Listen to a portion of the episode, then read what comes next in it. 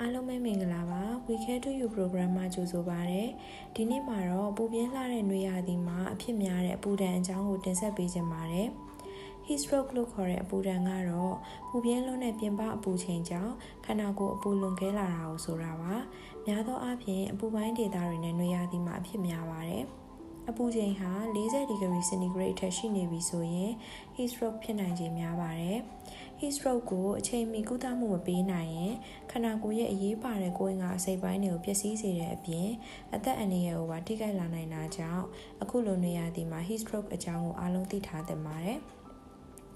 ဘာကြောင့်ဖြစ်တယ်လဲဆိုတော့ပူပြင်းလွန်းသောနေအပူအောက်တွင်ကြာကြီးနေခြင်းကိုယ်လက်လှုပ်ရှားမှုပြင်းထန်စွာပြုလုပ်ခြင်းထူထဲလွန်းသောဝတ်စားများဝတ်ဆင်ခြင်းရေလုံလောက်စွာမတောက်ခြင်းအရက်သေးစာတောက်ခြင်းအသက်အရွယ်ကြီးလွန်းခြင်းငယ်လွန်းခြင်းတွေကြောင့်ဖြစ်တတ်ပါတယ်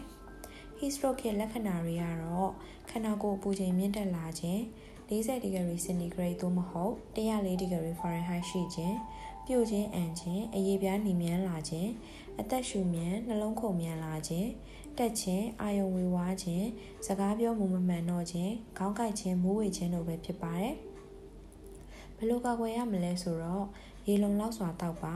လေဝင်လေထွက်ကောင်းပြီးပွပွရရအဝတ်ထည်များဝတ်ဆင်ပါအေးမြစေသောပိတ်စာဥပမာခြိသားများကိုရွေးချယ်ဝတ်ဆင်ပါအလွန်ပူသောနေ့ရက်များတွင်ပြင်းပြင်းထန်ထန်လှုပ်ရှားခြင်းမှရှောင်ခြင်းပါ နေပူရဲထွက်လျင်အုတ်ထုတ်ထီဆောင်ပါဖြစ်နိုင်ရင်နေအောင်ကခရမ်လိန်ပါကားထဲမှာတကြီးရွယ်ဦးများကလေးများအိမ်မွေးတရိတ်ဆန်လေးများကိုအလုံးပိတ်မထားခဲ့ပါနဲ့အခုတင်ဆက်သွားတဲ့အကြောင်းအရာကတော့ပူပြင်းလာတဲ့နေရာဒီမှာဖြစ်များတဲ့ heat stroke လို့ခေါ်တဲ့အပူဒဏ်အကြောင်းလေးပဲဖြစ်ပါတယ်။